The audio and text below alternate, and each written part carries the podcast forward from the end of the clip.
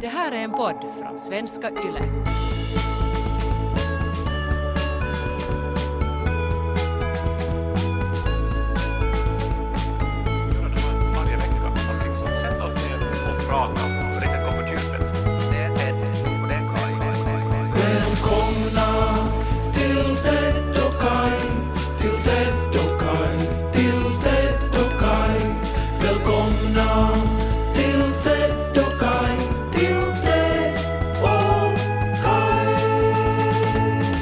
Innan vi börjar banda in Ted så måste jag eh, ta på mig en sak här. Det är min mammas eh, senaste skapelse. Jaha. Okej. Um, det som Kaj just satt på sig är en, uh, alltså det är väl som en sorts topphatt men den ser mer ut som en sån där, alltså vet du de där typ advokater eller domarna som bestämde i såna där häxprocesser? alltså så här på 1700-1800-talet i USA. Alltså en sån hatt eh, och så står det Do not disturb på den. Ja. Eh, det här är alltså en cylinderhatt som min mamma numera använder när hon inte vill bli störd. Och eh, den fanns här då i mitt rum. Jag befinner mig i Essen nu. Och i mitt gamla pojkrum som har förvandlats till ett sorts TV slash läsrum. Och här finns en fåtölj och böcker och en massa sådana här digiboxar som ser ut att vara från 90-talet. Det är de förmodligen också. Och den här hatten då, en cylinderhatt där det står att man inte vill bli störd. Ja, är det så att det här uh, Do Not Disturb, alltså att det är också en, egentligen en sån här ögonbindel, alltså när man ska sova? Eh, ja, eh, det är alltså en sån som är fäst kring brättet på den här hatten då. Ja, alltså väldigt användbar nog och faktiskt alltså, jag menar, det är ju så här man känner sig nog. Alltså när man går in i sin eh, happy place och till exempel ska läsa en bok så, så, så vill man ju ha den här hatten. ja, nej jag tycker bara det är så, alltså det säger så mycket om din mamma och jag tycker de här liksom glimtarna man får till hennes kreativitet ibland tycker jag är liksom magiska. Alltså att att hon har på något sätt varit med om den situationen då. Alltså båda dina föräldrar är ju pensionärer så att det är ju inte liksom, det är ju inte ett jättestressigt liv de har. Utan att det kretsar väl mest kring vad man ska laga för mat och vad det kommer på TV. Som det skulle vara. Ja, och de eh, bor ju alltså väldigt, eh, ändå ganska avskilt här. Alltså det, det finns inte grannar jättenära och, och absolut ingen som skulle spontant komma på besök eller Nej. någonting. Utan det är ju eh, också helt tydligt att den här, det här budskapet är riktat till pappa. Ja, också. nej, alltså det är det som jag tycker är så fint på något sätt. Att, att din mamma har då varit med om en situation där hon har blivit störd upprepade tillfällen då under en dag av din far. Och så har hon funderat att hur ska jag hur ska jag få honom att förstå att nu vill jag inte bli störd. Och då tänker man ju att det här lätta sättet så skulle vara att, att gå och säga, alltså åt mannen man delar sitt liv med, att säga att hej, att nu vill jag sen vara i fred. Men att det säger också någonting om din pappa för att man måste ju utgå från att hon har gjort det och det har inte funkat. Alltså att det räcker, hon kan inte bara säga åt honom utan hon måste ha det ett steg vidare och då har hon liksom på något sätt gått till sin kreativa del av hjärnan att va, hur ska man kunna göra det där? Hur ska jag kunna förmedla att jag inte vill bli störd utan att behöva säga det? Och sen har hon landat på någonting visuellt, alltså någonting som, som kan direkt liksom visa att hej, stör inte mig. Läkarna till exempel, de har ju röda lampor, att rummet är upptaget. Eh, men det skulle vara för lätt, tänker hon, att hon vill istället ha att hon skulle vara med en hatt till exempel. Mm. Det är ju framförallt på hotell som man har de här skyltarna då som man hänger på sitt handtag om man inte vill bli störd. Mm. Och det där är ju någonting som alla älskar och som alla ju använder när man är på hotell. För man vill ju inte att någon ska komma och städa ens rum halv elva liksom. Man vill ju vara i fred på förmiddagen där. Mm. Och det här borde ju leta sig ut i, liksom i det övriga livet också. Just det, eventuellt då i form av en sån här hatt. Eller att man alltid då skulle ha med, med sig en sån här skylt som man kan hänga, då inte vet jag, på näsan eller eh, kring örat eller någonting. Skulle man också kunna tänka sig, alltså för att ibland vill man ju också, alltså ibland kan man ju känna sig ensam eller känna sig som att man har tråkigt, att nu ska jag, nu ska jag gärna få bli störd.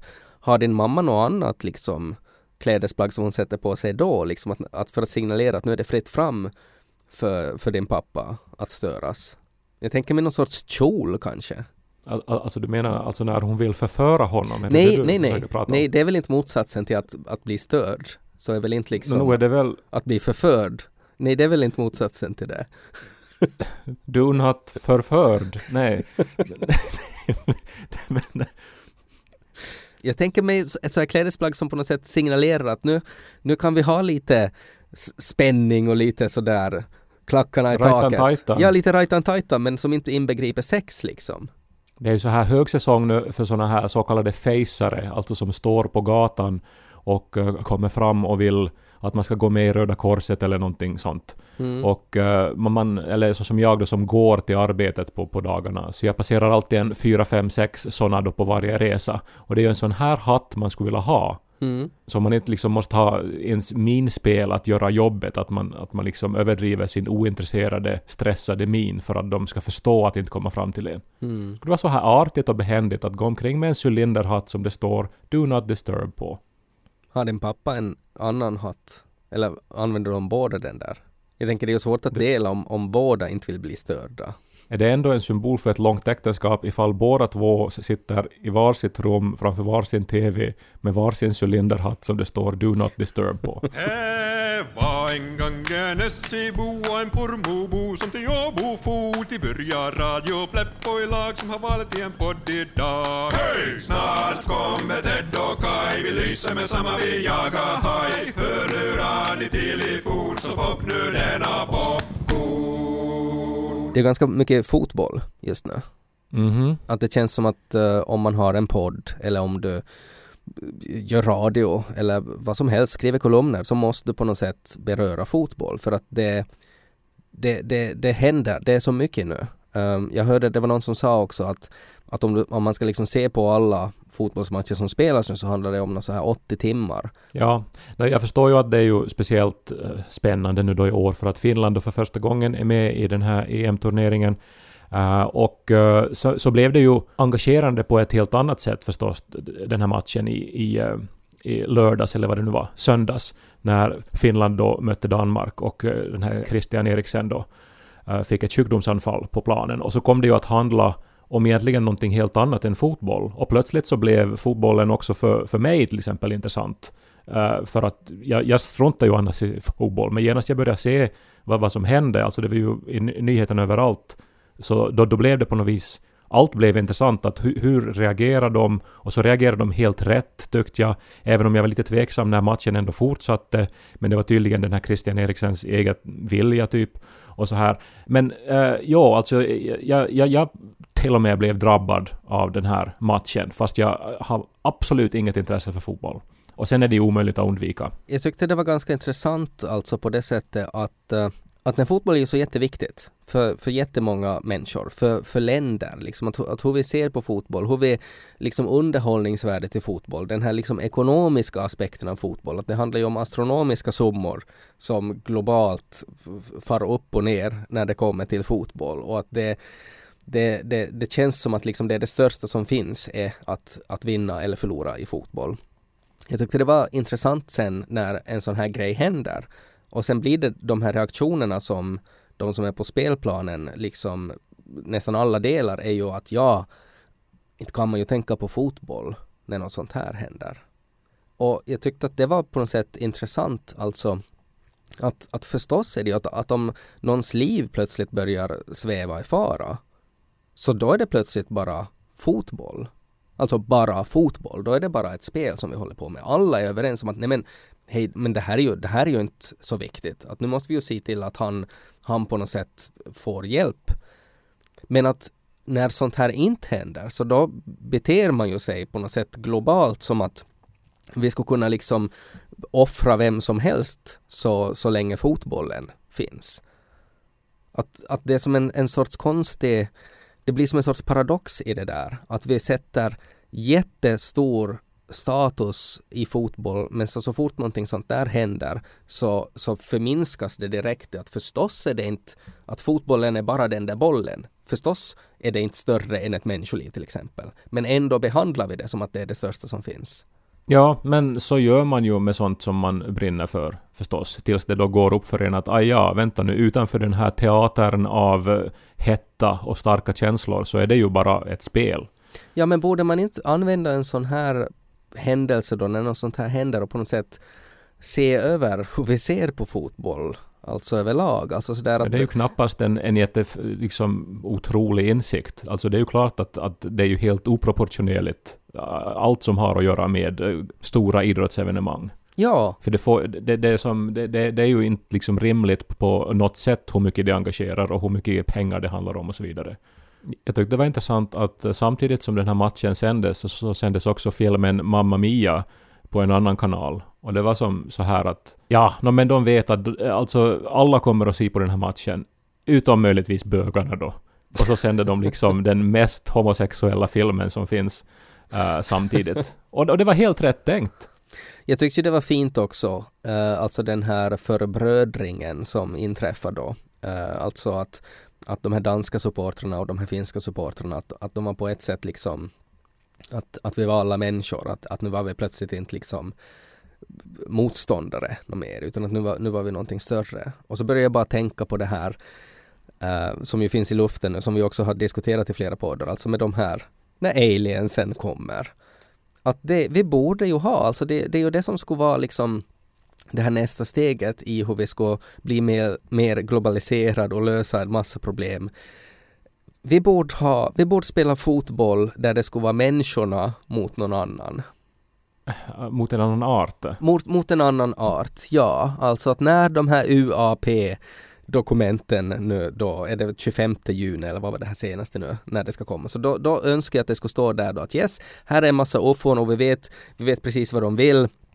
Uh, och de är här för att de spionerar på våra fotbollsspelare för de vill utmana oss i en match i Proxima Centauri. Att vi skulle kunna, alltså hela världen skulle kunna ha en förbrödring. Alltså att vi tar de bästa spelarna från de bästa länderna och så spelar vi fotboll mot aliens. Men jag vill ju nog tro att den här civilisationen som spanar på oss, att de är liksom större än så, att de inte bryr sig om just sånt som ändå bara är spel. Alltså de- har, de har större, de har de stora frågorna på sin agenda. Det är tiden, det är e-, existensen, det är kvantmekaniken, det är alltings början och slut. Liksom. Det är de frågorna det handlar om för dem. Ja. Ja, men jag tänker att de är på en sån avancerad nivå så att de ska förstå att vi som art är inte mottagliga för det där ännu. Vi är för primitiva. Men att det som vi skulle behöva just nu är att vi skulle behöva samla ihop ett så här ragtag group av fotbollsspelare eh, och, eh, och så skulle vi fara med dem i ett rymdskepp iväg till en annan planet och så ska de spela fotboll och så ska vi vinna en interplanetär fotisturnering. Uh, och så skulle vi få det där självförtroendet vi skulle behöva och den här förbrödringen som, som hela jorden skulle behöva för att eh, se på politik på ett annat sätt. Jag tror ju nog mera på, på det här att man typ ska bada bastu tillsammans eller någonting. Ja. Så här, vet du, Kekkonen-style. Bjuda in någon sån här rysk ledare och vet du, bada bastu och som då när man är nakna på laven och svettas och liksom eh, någon liksom måste gå och sätta sig på den nedre laven men det är okej för att vi är ju bastun. Så jag menar det är ju då som diplomatin och liksom de här förbrödringskänslorna uppstår. Nej men då har du ju missuppfattat hela Kekkonen-politiken. Inte var det ju av diplomati han ville bada bastu med dem. Det var ju för att han hade troligtvis en enorm penis och att det var helt enkelt alltså psykologiskt spel det där. Att sen får han bada bastu då eh, med, med de här ambassadörerna eller diplomaterna och så ställer han sig upp där och visar de- demonstrativt vilken alfahanne han är och så går de med på hans eh, önskemål. Ja, nu tror jag nog att aliensen, liksom alla vi andra, också har misstankar om Tim Sparv. Och det är därför vi ser på fotboll. Alltså att aliensen är intresserad vad Tim Sparv har i byxorna. Nej, att aliens är intresserade av Tim Sparv, det, det är ju helt självklart. Att, att hela den här liksom matchen, jorden mot aliens, är egentligen bara liksom en, en eh, avancerad process att träffa Tim Sparv. Är man någonsin så beredd att vet du, utveckla teknik och, och utstå vet du, kryo-nedfrysning som när man drivs av en erotisk längtan? Det är det jag säger. Du vet Kaj, i ett förhållande så har man ju vissa saker som man lär sig om ens partner eh, som man kanske inte visste att, att det var liksom någonting som man fick på köpet. Alltså som en, en sorts sån här oskriven regel eh, som man inte har diskuterat och det har aldrig liksom avtalats om att den här regeln existerar. Men att den i, i, i något skede så inser man bara att okej, okay, tydligen finns det en sån här regel. Det finns ju ett fint ord för det här, idiosynkrasier, som eh, jag tror används på det här sättet. Alltså någon annans såna här egenskaper som, som eh, Alltså det kan vara vet du, starka rädslor eller motviljor eller, eller så här quirks kanske man kan översätta det med. Ja. Är det en sån du tänker på? Ja, det, just såna. Um, har Niko såna? Eh, har alla människor såna där? Ja, det är ju de sakerna ofta som gör att man älskar en människa också. För det är ju någonting unikt för den människan. Och, och, och när man lär sig en människas idiosynkrasier uh, så känns det ju som att man, att man verkligen är nära en annan. Om man har liksom gulliga idiosynkrasier. Att man tänker att no. Ja, no, det finns ju störande e- egenskaper också hos allihopa, men att uh, i ett nära förhållande så kommer man ju ofta också att, att uppskatta dem för att det är som att, ja no, men det är ju, det är ju Niko. Alltså... Mm. Ja, no, Janika har, hon har flera sådana där. Um, och, och det är två som har varit ganska aktuella den här senaste tiden. Uh, en, är, en är lättare att hantera och en är kanske mer utmanande. Ingen av dem är gulliga. Eller sådär att ingen av, ingen av de här grejerna får mig att älska henne mer. Um, men det här ena är uh, hur man förhåller sig till paff. Uh, alltså att om man, om man köper någonting och så levereras det i en låda, en pafflåda. Du menar alltså inte alltså den åländska spelautomatsföreningen, att hon har något spelberoende här? Nej, Nej det är med två F. Uh, och, eller heter det papp? Hur ska man säga? Ska man säga papp eller paff? Men man alltså kan ju... du menar kartong, alltså, ja. här, alltså hård papper? Ja, men det Brun kartongpapp? Ja, papp skulle jag säga. Ja, men man kan ju inte säga att det är hennes förhållande till papp. Alltså. Nej. Daddy issues, ja, det som då? Ja, exakt. Och då blir det en annan sak. Uh, och då blir det kanske svårare att, att, ta ställning till det. Men nu menar jag alltså det här bruna kartongpappret, alltså paff. Um, och framförallt det att uh, hon, hon sorterar inte, alltså hon för inte det till den rätta containern.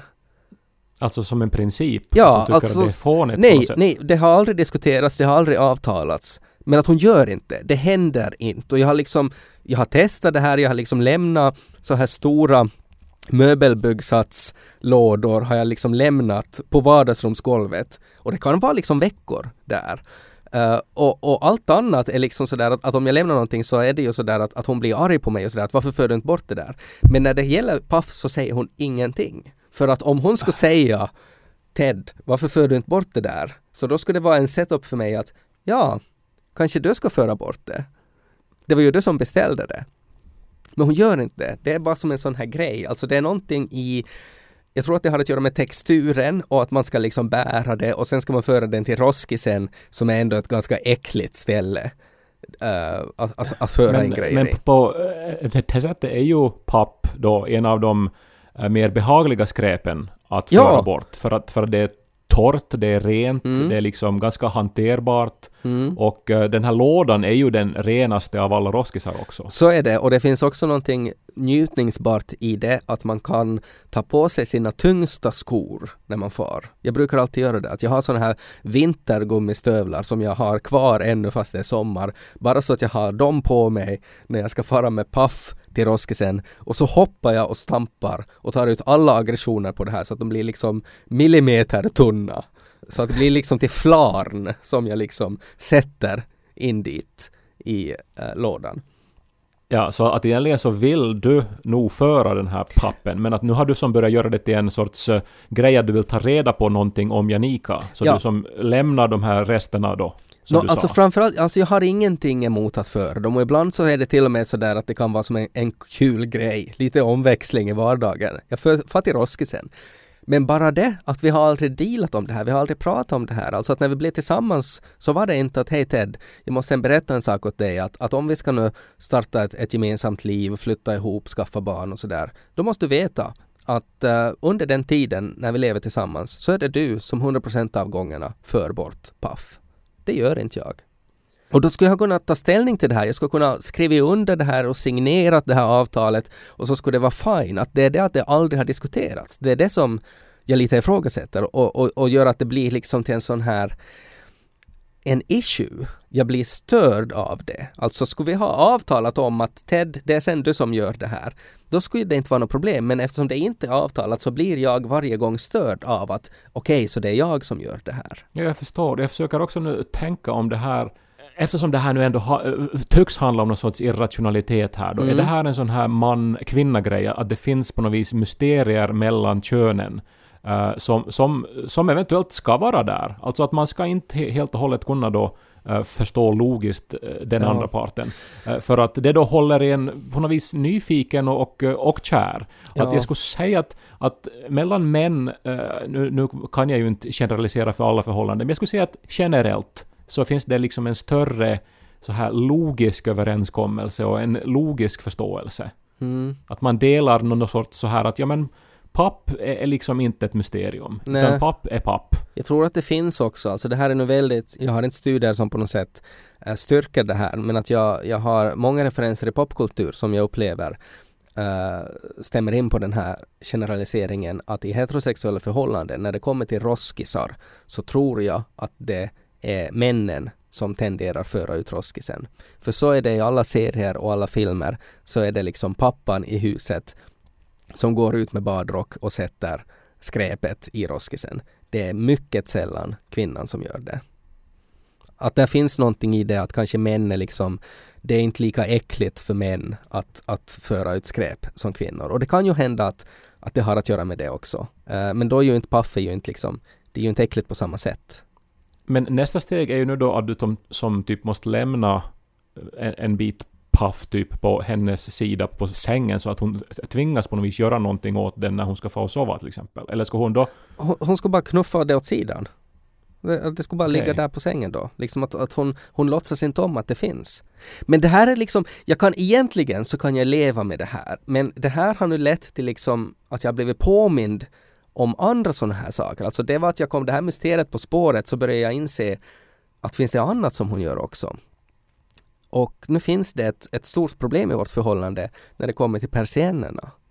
För vi har sådana där persienner, alltså där man drar, drar ner snöret och så finns det ju som en liten sån här, vad ska man kalla det, som en liten spik som sticker ut där man ska liksom surra det här snöret runt den där spiken så att det, så persiennen hålls uppe. Ja, en elementär funktion ja. hos persienner. Ja, och, och den där surrningen är ju inte någonting man tänker mycket på utan att man drar ner snöret, surrar runt det så det hålls och så fortsätter man med sitt liv. Man för ut paffen. Det intressanta är ju att man måste ju inte surra mer än ett varv så hålls det och det ja. tycker jag alltid har varit magiskt för att ja. man känner ju instinktivt att man måste som jättehårt surra ja. det dit så att mm. inte de liksom ska rasa ner plötsligt men Nej. det räcker med ett varv. Ja. Bra design. Ja och, och det, är ju det, det är ju det skönaste när det är bara ett varv är ju att sen när, när solen är stark och man vill ha skugga så bara tar man i med, med tummen och pekfingret och bara drar pikolite och så bara så rasar det ner och så är det liksom ja. tillfredsställande. Det här är ju som så straightforward, så väl designat att det här kan ju inte liksom bli någon issue för någon. Det här är ju bara, bara liksom Jonan Vessa, vet du, det här funkar. Ja. När Janika drar upp persiennerna och hon har det där snöret och den här lilla spiken så gör hon en sorts alltså en sorts knop, alltså någon sorts avancerad sån där sjömansknop, alltså sådär som när man var i scouten och det var sådär snoken kommer upp ur dammen och får bakom granen och in i hålet och ner i dammen igen. Alltså på en sån nivå att det kräver båda händerna och total koncentration att få upp den där knopen. Ja. Och det här är någonting som jag har sagt åt henne, Janika, kan du snälla, snälla, snälla inte göra det där? Och så säger hon att att ja, att hon ska nog, hon ska försöka att inte göra det. Och så kan det gå en tid där det inte är sjömansknopar. Alltså det är på riktigt som att, att jag skulle på något sätt bo med med någon sorts Ernest Hemingway som demonstrativt liksom gör avancerade maskulina alfahanneknopar som mindre människor inte ska lyckas få upp för det är han som bestämmer över persiennerna. Det är jättekonstigt och det var bra en tid men nu har de börjat komma tillbaks de här knoparna. Och nu har jag blivit så uppmärksammad här att jag tror att det är som någon sorts kod eller någonting. Alltså det är som ett sorts straff. Alltså att när jag beter mig på ett sätt som gör att att hon blir irriterad på mig. Alltså sådär att om jag, om hon sitter med Do Not Disturb cylinderhatten på sig och jag är där och stör henne hela tiden. Så då vet jag att följande dag när jag ska dra ner persiennen så då har Popeye varit där och surrat. Men, Alltså att hon straffar, men, hon straffar mig.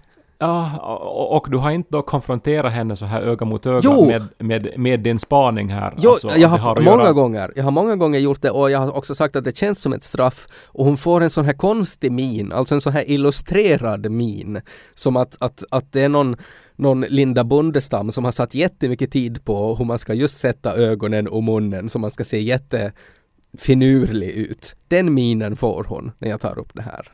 Skulle du kunna på något vis hämnas då på eh, något sätt? Eller alltså, går det att liksom knyta fast persiennerna så att de hålls nere? Det går väl inte? Man måste som typ...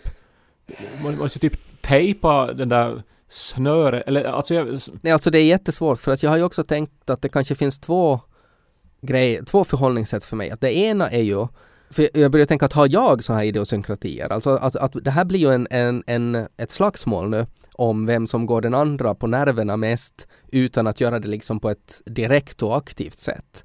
Alltså sådär att man hur man sätter fast mjölpåsar eller, eller var man förvarar brödet i, i hemmet. Alltså sådana där saker. Att, att finns det saker som jag gör som jag vet att, att hon blir störd på som jag kan liksom straffa henne tillbaks med att göra. Men jag har inte kommit på sådana saker. Och då är det antingen A eller B. A. Jag är en perfekt människa. Jag gör inga sådana saker så hon har aldrig behövt ta upp det. Eller B. Jag har så många sådana där saker så att nästan allt vad jag gör är en sån grej. Och då skulle det kunna vara, då, då skulle jag förstå det här straffet. Men kan det vara så att den här knopen är så pass uh, avancerad att, uh, att den också har ett avancerat uh, öppningssätt? Alltså att, eh, att du helt enkelt inte är bra på att öppna knopen. Alltså hon är gammal sjöscout och hon Ja. gör då en, en skotstek då, eller vad det heter. Och sen så, så hon vet ju, ja men det är ju, alltså det här är ju den lättaste knopen att öppna. Medan då du står där och sliter ditt hår då Ja. och, och inte vet hur man öppnar en skotstek. Hon har väl aldrig varit sjöscout men hon, har ju, hon är ju uppvuxen på segelbåtar och jag tror att det är, det är väl liksom någon sorts inte vet jag, kanske är det en papp-issue det där då, att det är hennes far som gjorde sådana där knopar åt henne så att, att hon så här undermedvetet också gör sådana där knopar. Um, jag tror inte att det är det. För att det är på riktigt liksom, det, jag tycker att det enda kriteriet när man surrar fast persiennen är att man ska kunna öppna upp den med en hand. För att du har den andra handen kanske, du håller i en hotdog eller någonting och du ska just börja se på film och, och, och, och dra ner persiennerna. Men att det går inte, den där knopen går inte att ta upp med en hand. Man måste använda båda händerna. Men jag tror ju att vi har haft nyckeln framför våra ögon hela tiden, alltså hur man får ett förhållande att funka i längden. Så det är ju med en sån här subtil, alltså på något sätt passiv-aggressiv men också sympatisk demonstration av vad man vill. Alltså en cylinderhatt där budskapet står klart och tydligt och sen behöver det inte kommenteras. För det är definitionen av ett subtilt budskap. Att man har en cylinderhatt med en protestskylt på. Nej men det, det, det är ju också så här lite, alltså det är så konstigt att, att det blir lite roligt och sen så, så går det inte att bli arg på någon som går omkring med en lustig hatt.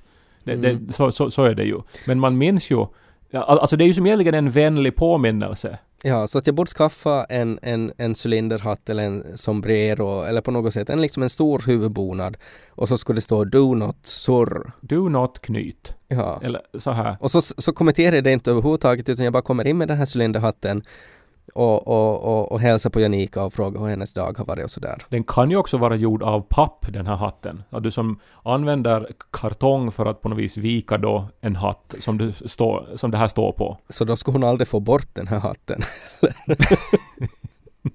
Nej, hon skulle, hon, hon, hon skulle inte förmå att göra sig av med den. Nej, utan att Utan den, hon skulle ständigt bli påmind. jag kan lämna den var som helst och jag vet att den kommer att vara kvar där när jag kommer dit nästa gång. Det är en jättebra idé. Genialiskt.